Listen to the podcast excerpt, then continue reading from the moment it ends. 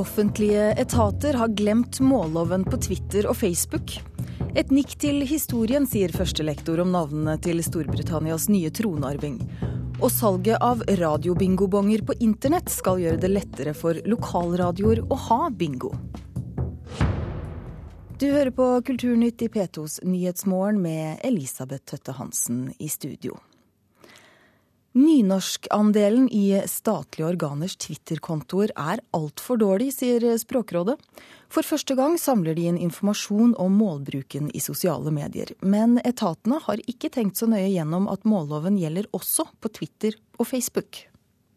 Siste tweet er om at det er fire sauer i veien i Bruravik, Ulvik. To av disse er lam, til obs for kjørerne. Og så har vi hengt på at vi får tro at det finnes en hyrding i nærleiken. Og den eh, får gå ut til folk, så får vi se om den også tar hånd om disse sauene sine. Leder for operativ eining ved Hordaland politidistrikt, Gustav Landro, legger ut ei kort melding på mikrobloggetjenesten Twitter. For som så mange andre offentlige instanser er de aktive på sosiale medium. Og der kommer det òg raske tilbakemeldinger fra folk flest. Vi får jo henvendelser fra veldig mange aktører som spør hvorfor bruker dere ikke nynorsk. Derfor sendte de brev til Språkrådet og ba om ei klargjøring. For må en følge mållova sitt krav om vekslende målbruk også på sosiale medium som Facebook og Twitter? Helt klart ja. Sier rådgiver i Språkrådet, Daniel Ims. Mållova gjelder for eh, situasjoner der en bruker skriftspråket og da, da har ikke mediet eh, noe å si. Han er i gang med å gå gjennom de årlige rapportene om målbruk i statlige organ. For første gang må i år de om lag 170 instansene med rapporteringsplikt melde ifra om målbruken også i de sosiale medier. Så må en rett og slett uh, se gjennom alle meldingene og så finne tallet på bokmålsmeldinger, tallet på nynorskmeldinger. Det ser ut til at det generelt er mindre nynorsk i sosiale medium enn det er på nettsidene ellers, da. Hvis, hvis, du begynner på din, din, melding, så kan jeg begynne på denne med forsvarsministeren. Så skal vi prøve å få det på Og Twitter-appen her på iPhone. I et annet statlig organ med Twitter-konto, nemlig Forsvarsdepartementet, tvitrer kommunikasjonsrådgiver Lars Hjemle og politisk rådgiver Line Tresselt. Så den forrige tweeten vi hadde, da, den står på bokmål. Og det gjelder de fleste meldingene signert kontoen til departementet. Um, og Der står det forsvarsminister Anne Grete Strøm-Eriksen vil delta på 60-årsmarkeringen av våpenhvilen på Koreahalvøya. Så det å skrive den på nynorsk ville jo ikke vært så veldig vanskelig. Ifølge en gjennomgang NRK har gjort, er tre av de nesten 1000 innleggene deres på nynorsk. I statistikken til Språkrådet blir det strykkarakter. Ja, det, det, viser jo at uh, Forsvarsdepartementet ikke har uh, ikke veksla mellom målformene uh, i det hele tatt, egentlig. 0,3% er jo så nær ingenting som en kan komme, omtrent. Ifølge mållova skal det være minst 25% av hver målform i alle offentlige skriftlige tekster, og altså òg på sosiale medium. I den førre tilgjengelige rapporten fra Språkrådet fra 2011 rapporterer instansene om kring 12% nynorsk. vi har ikke tenkt så nøye gjennom det, rett og slett. Ja. Jeg, jeg tror det her er det, det, er noe som vi må jobbe litt med, vi som bruker de her eh, Liksom ha litt tydeligere rutiner på hva slags språk, målform vi bruker, det, det, er noe vi kan gå i. Jeg frykter for at det kan bli lite tvitring hvis vi blir tvinga til å være på nynorsk. For at eh, folk må føle seg litt komfortable med det mediet. For det er et veldig sånn kjapt og eh, konsis sak med 140 tegn, der du kan ikke sitte og tenke veldig mye over hva du skal skrive. Det sa Gustav Landro ved Hordaland politidistrikt til reporter Maria Pile Svåsand. Kjellars Berge, professor i nordiske språk og litteratur ved Universitetet i Oslo. Vi hører her at offentlige etater rett og slett ikke har tenkt over at eh, samme regler for språkbruk gjelder på sosiale medier som i annen kommunikasjon. Er det overraskende? Nei, egentlig ikke. For jeg tror at eh, forestillingen om sosiale medier er at det er på en måte et sted man kan skravle fritt. Altså en slags form for torg hvor du liksom prater med folk. Og de tenker ikke over at eh, det er en offentlighet, og hvor man eh, rett og slett er nødt til å følge de normer og regler som gjelder for offentlighet i samfunnet vårt. Da. Men det at de ikke bruker nynorsk, kan, det være at det er, for vanskelig? Er ikke folk gode nok i rettskriving? Hva, er grunnen? ja, nei, Det er jo litt snålt da, at det skulle være spesielt vanskelig å skrive nynorsk. Det, jo, det, jo, det, viser jo det problemet nynorsk har i det norske samfunnet, med at det oppfattes å være litt fremmedelement, element, til tross for at det er ganske mange som har nynorsk som sitt skrivespråk. Så den argumentasjonen holder jo ikke. Men eh, det er jo bare å snakke om en vanesak. ja, hva bør, eh, hva bør gjøres da? Nei, altså Det er ingen tvil om at offentlige etater må jo skjønne at eh, det å være med på offentlige medier, i, for så vidt helt uavhengig om det er målform eller ikke, det er, et, det er et, sted hvor man opptrer ikke i kraft av privat, som privatperson, men som offentlig etat. og I så måte så må de altså skriftlig sett framstå som en offentlig etat. Det er ingen som helst tvil om. altså det er jo krevende dette her, for disse mediene, eller disse plattformene eller formatene som det kan kalles, da, de, er, de, skifter så fort, ikke sant? Og de har jo en sånn uh, veldig privat karakter. Altså Facebook er jo en uh, nettsted som ikke er utviklet for at offentlige etater skal være på den. Det er rett og slett et nettsted for kontakt mellom venner, ikke sant? Det er jo likes, og det er friends, og det er amerikanske begreper som er utviklet i en ganske sånn frisk og, og uformell ungdomskultur. og Likevel så tas det i bruk altså som et medium for kontakt mellom offentlige etater og, og oss der ute. Da. Og det er jo ytterst problematisk. da. Alternativet, hva skulle det være? ikke sant? Det måtte jo være at offentlige etater utvikler egne sånne formater, og det er klart kjempevanskelig. Så Facebook er jo så ekstremt fleksibelt, da. Og enda større grad gjelder jo det Twitter, ikke sant, som er en kvitre, ikke sant. Altså ordet kvitre som det blir på torsk, viser jo at dette her er et sted hvor man slarver og snakker og er liksom frie og uformelle. Og det er det altså ikke noe offentlige etater skal være. De skal være formelle. Og da må de forholde seg til normer og regler, bl.a. målloven. Men nå er jo Twitter og Facebook en, en, viktig kommunikasjonskanal nettopp mellom offentlige etater og publikum. Så, så, hva kan man gjøre her, da? Du snakker om å opprette egne kanaler, men det er kanskje litt uh, Nå har jo faktisk uh, den norske staten, eller regjeringen, foreslått at man skal gjøre noe sånt. da. Vi har uh, det som heter digitaliseringsmeldingen, som går ut på at offentlige etater skal være på nett for oss. da. Og hvor i all verden de skal klare det, det må jeg virkelig si jeg lurer på. Det er kjempevanskelig. Her er det, foregår det ting spontant, utviklingsmessig. Altså, de som har laget Facebook, det er jo studenter på Harvard, ikke sant? og de har blitt kjemperike på det. Og det er åpent for hvem som helst å lage sånne plattformer. Men hva som fungerer, det, det må jo markedet eller vi avgjøre. Altså det vi opplever som det mest effektive. Og Facebook er jo kjempebra. ikke sant? Vi vet jo alle sammen, vi som er der, at det er jo et utrolig bra sted å være. Men jeg vil tro at det er ikke mange årene før det kommer alternativer som er sikkert enda bedre. altså. Og da får vi kanskje litt mer nynorsk der også? Kanskje. Kjell Lars Berge, professor i nordiske språk og litteratur ved Universitetet i Oslo, takk for at du kom til Kulturnytt. Nå skal vi til eh, rojale kretser. George Alexander Louis, det er navnet prins William og hertuginne Kate har gitt sønnen de fikk eh, på mandag. Jan Erik Mustad, førstelektor ved Universitetet i Agder og forsker på britisk og nordirsk politikk. Var dette navnevalget overraskende?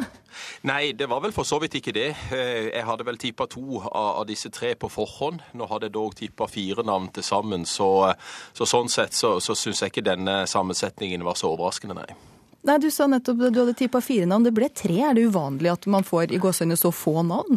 Nei, jeg vil ikke si det er uvanlig. Selv om far og bestefar har fire, så, så er det flere opp igjennom som har hatt tre navn. Så uvanlig er det ikke. Men det er jo sånn at eh, når denne tronarvingen eh, kommer til det valget som må tas når vedkommende da står foran, eh, foran makten, for å si det sånn, og så må han da velge ett av de tre som sitt kongenavn. Eh, det er ikke nødvendig at det blir George, eh, selv om det ligger an til at det er det mest sannsynlige. Men, men, George det er jo sånn tradisjonelt britisk navn, og det ble to tradisjonelle britiske, eller, ja, britiske navn, men ett som ikke er så veldig typisk. Hvordan uh, ser du på det? Nei, altså George uh, har det jo vært sagt mye om uh, tidligere, og, og, og, dette er vel en heder til Elis, dronning Elisabeth sin far, George den 6., som vi kjenner fra filmen The King's Speech, som, som stamma, og som litt motvillig måtte ta tronen fra sin bror, som valgte å abdisere i 1936. og, og George er jo jo egentlig et tysk navn eh, som kom inn på begynnelsen av 1700-tallet. Eh, så, George er jo også skytsengelen til England, eh, St. George. Så, dette er et kjært navn for, for, veldig mange i England og også i hele Storbritannia. Så er det da Louis som, som, er et, heder til prins Philip sin familie først og fremst. Eh, fordi at hans onkel Louis Mountbatten eh, ble drept av IRA da han var ute og fiska. Han var den siste overhodet av India før India fikk sin uavhengighet i 1947, og sto dronning Elisabeth også veldig nær. Så, så det er nok en heder til farssiden i, i, kongefamilien. Så har vi da Alexander, som bare tre skotske konger har hatt. Det er ingen engelske konger som har hatt det, det er ingen britiske konger som har hatt det. Eh, men der gikk jo tankene i retning av Alexandra, som er et av mellomnavnene til dronning Elisabeth. Og kanskje et lite sånt eh, skal vi si, blunk til Alexander den store, at dette vil bli en stor gutt, en stor tronarving, og til syvende og sist kanskje en stor konge. Hvem vet. Men, men, Louis, da får man jo litt sånn eh, franske tanker her også. Det, henger det noe sammen med dette? Ja, altså min umiddelbare reaksjon var at dette var et lite sånn symbolsk navn på hvordan de europeiske monarkiene er vevd inn i hverandre. For det er jo nesten som en stor familie når det skjer sånne hendelser i eh, de europeiske monarkiene. Så kommer det jo representanter fra de andre monarkiene, og de fleste av de er jo i familie med hverandre. Eh, de er gifta inn i hverandres eh, kongerekker opp igjennom historien. Så, så sånn sett så, så virka det på meg som om dette var en liten sånn symbolsk eh, ja, en, en, et, et, symbolsk valg i forhold til en slags samling av de europeiske monarkiene, med da en liten fransk sleng på. Men da, da har de også fått med seg litt, eh, litt, fra Frankrike, og navn som dekker stort sett hele det, det britiske kongedømmet, får man vel si. Men hvordan har eh, navnevalget blitt tatt imot i, i Storbritannia? Det har blitt veldig godt tatt imot. Det jeg har sett siden det kom eh, og ble annonsert i går, eh, så er det blitt veldig godt tatt imot. Folk syns da George, som antagelig kommer til å bli det bærende navnet, iallfall foreløpig, eh, er et navn som både var forventa og som står høyt i kurs i Storbritannia. Så de reaksjonene som er kommet også blant vanlige folk, er veldig, veldig positive. Så, så jeg tror det var smart gjort av William og Kate å kalle baby Cambridge, som han ble kalt før han fikk navn, George Cambridge bl.a. For, fordi at det gir en god gjenklang i den britiske populasjonen. Baby Cambridge, hvor kom det fra? Baby Cambridge kom jo fra tittelen til, til, Kate og William, som er The Duke and Duchess av Cambridge. En tittel som de fikk da de gifta seg av dronning Elisabeth. Og dermed så ble jo da denne babyen, før han fikk dette flotte navnet, eh, omtalt som Baby Cambridge. Så nå er det jo eh, The Prince eh, George of Cambridge som da er den offisielle tittelen til, til prinsen. Prince George of Cambridge. Takk skal du ha, Jan Erik Mustad. Du er ikke prins, men du er førstelektor ved Universitetet i Agder og forsker på britisk og nordirsk politikk. Klokken den er 16 eh, minutter over åtte. Du hører på Kulturnytt i P2s Nyhetsmorgen, og her er de viktigste sakene i nyhetsbildet akkurat nå. 77 mennesker er bekreftet omkommet og mange er skadet etter togavsporingen i Spania. Dette her blir karakterisert som den verste togulykken på 40 år. Den eh, rammer ikke bare de som bor i området, men også hele det spanske samfunnet. Det som blir sagt nå, er at eh, toget skal ha holdt altfor høy fart. Det blir antydet 180 km i timen i en 80-sone.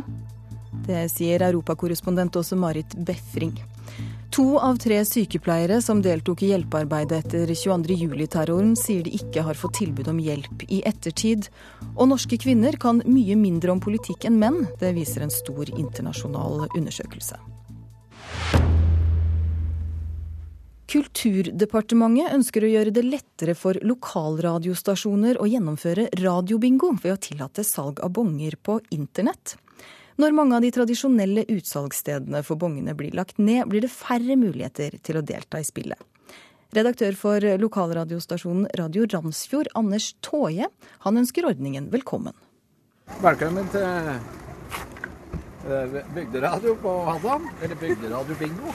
Redaktør for lokalradiostasjonen Radio Randsfjord, Anders Tåje, er på vei inn i radiostudio. I kveld er det bare bingo på sendeplanen. Så dette er jo i, i kjelleren på privathuset mitt, da. Toje har innreda radiostudio i kjelleren på huset sitt.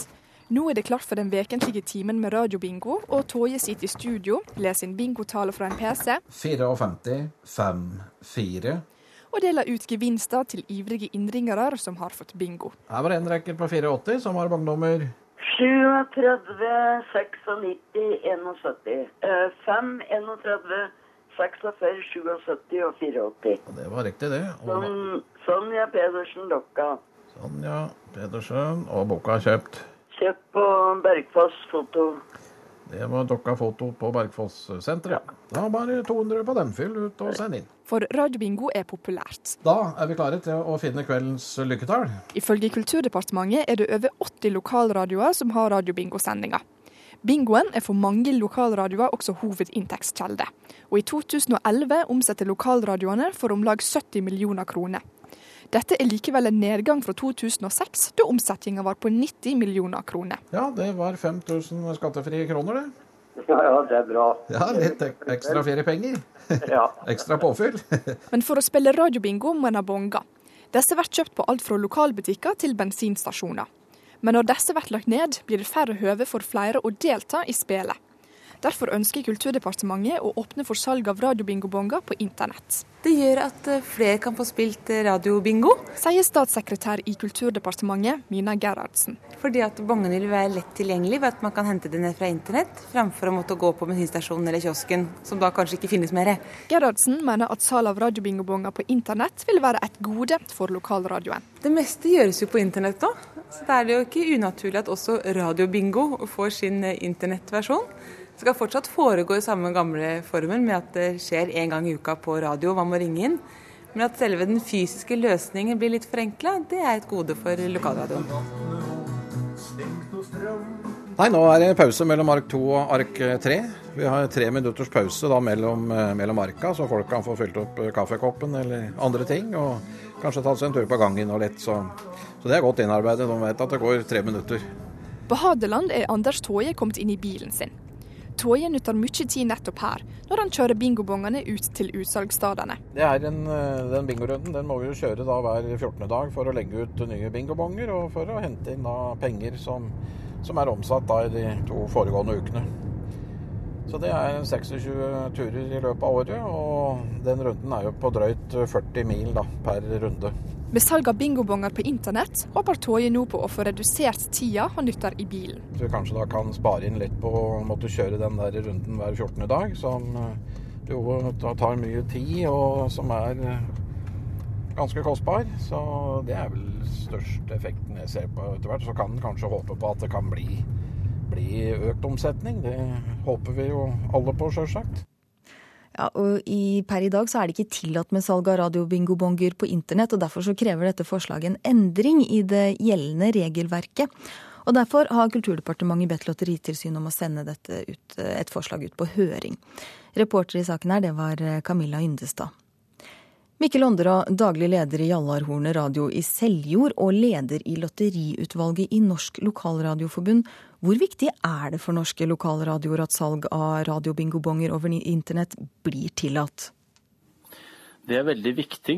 Dette vil jo demme opp mot utenlandske spill. og I tillegg så har veldig mange utsalgsplasser forsvunnet de siste åra. Små bensinstasjoner og lokalbutikker er lagt ned.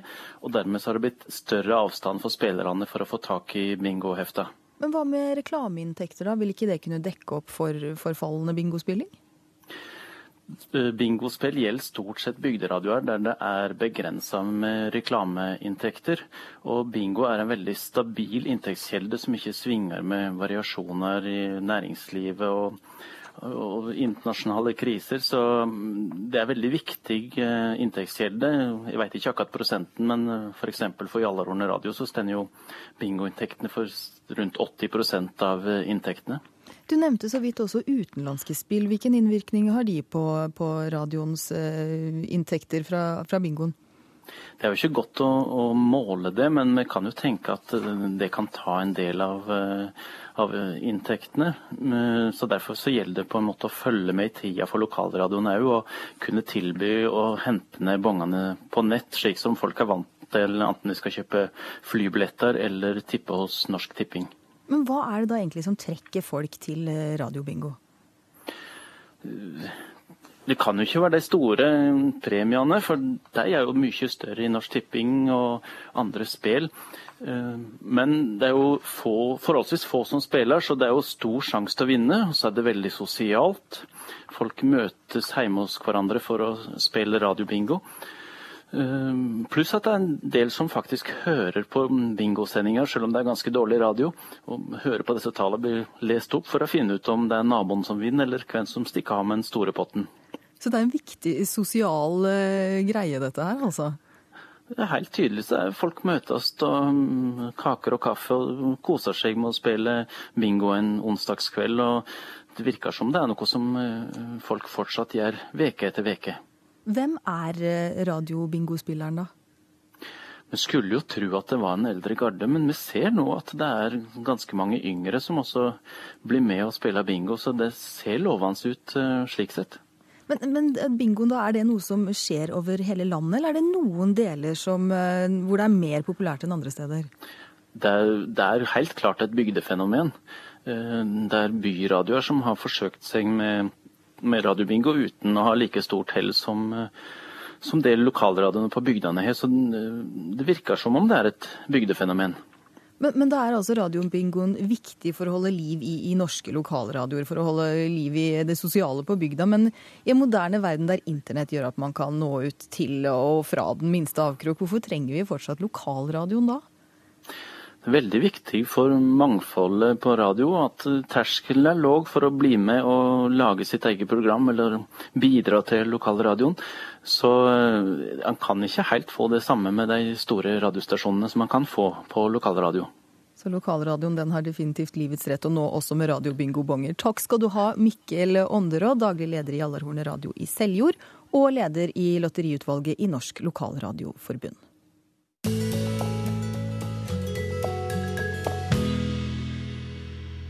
The Way Way Back er en av ukas kinopremierer.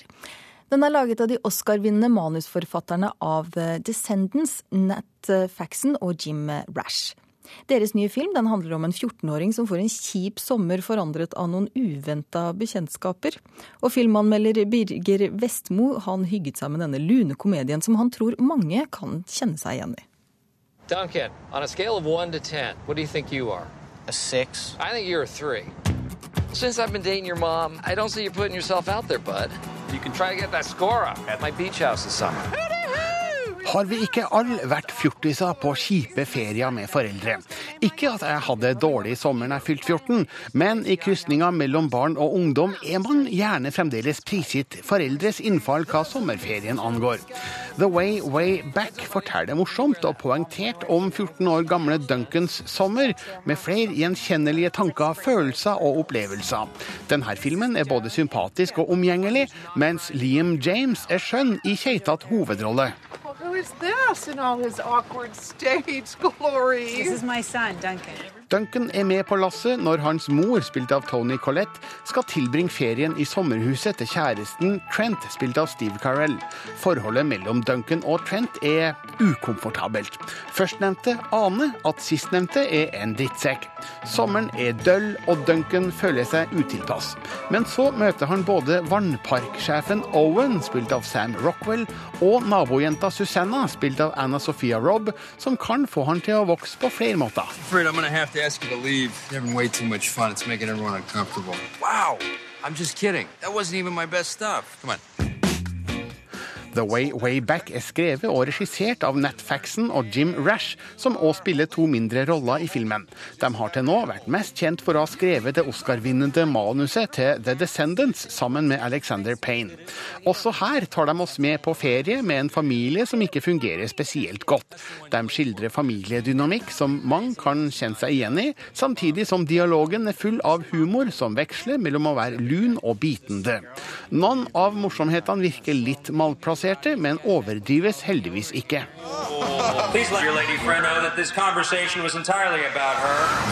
Stjerner som Steve Carell, Tony Collette og Sam Rockwell står kanskje øverst på rollelista, men hovedrollen tilhører Liam James. Og han sjarmerer stort som usikker og kjetete 14-åring. Det busta håret er kanskje litt for velfrisert og kalkulert, men alt under manken minner mistenkelig om meg sjøl og mange andre gutter på den alderen. Hver er det med Sam Rockwell, som er en habil skuespiller, men som her er utstyrt med en figur som man ikke tror mye på. Owen er for høyrøsta og hyperaktiv til å være sann, og det er lite som forklarer hvorfor han skulle fatt interesse for Duncan i første omgang. Heldigvis roer Rockwell noe ned senere i filmen, og redder figuren sin på den måten. Lewis! Hook up my man Duncan here with one of our finest rentals, would you? Some kid threw up near crazy tubes. Sexy. Let's not try to impress them all at once. Det jeg kanskje liker best med The Way Way Back, er filmens atmosfære. Den er spilt inn på kysten av Massachusetts, blant virkelige sommerhus og feriefolk. Og jeg blir virkelig hensatt til sommerferiemodus. Kanskje fordi det her var den første filmen jeg så etter min egen ferie. Det føltes egentlig ganske deilig å forlenge den litt med denne filmen. The Way Way Back er en søt, liten påminnelse om sommerlivets gleder og sorger. Like that, you're impressed and grossed out. The Way Way Back, altså, som ble anmeldt av Birger Vestmo. Og du kan eh, lese flere filmanmeldelser på våre nettsider. Da går du inn på nrk.no film. Så tar vi med en liten melding om penger, for etter en klagestorm over for mange mannlige kandidater til den britiske tipundseddelen, så har Bank of England bestemt seg for Jane Austen. Hun etterfølger med det Charles Darwin fra 2017, melder nyhetsbyrået AFP. Tusenvis av briter skrev under på en protesterklæring da sentralbanken bare hadde én kvinne, Elisabeth 2., som kandidat til de nye pengesedlene. Da er Kulturnytt slutt for denne gang. Du har hørt at eh, Språkrådet mener nynorskandelen i statlige organers Twitter-kontoer er for dårlig, og at navnet på Storbritannias nye tronarving oppfattes som et nikk til historien. Produsent Eivind Våge, tekniker Lars Tronsmoen, programleder Elisabeth Tøtte Hansen.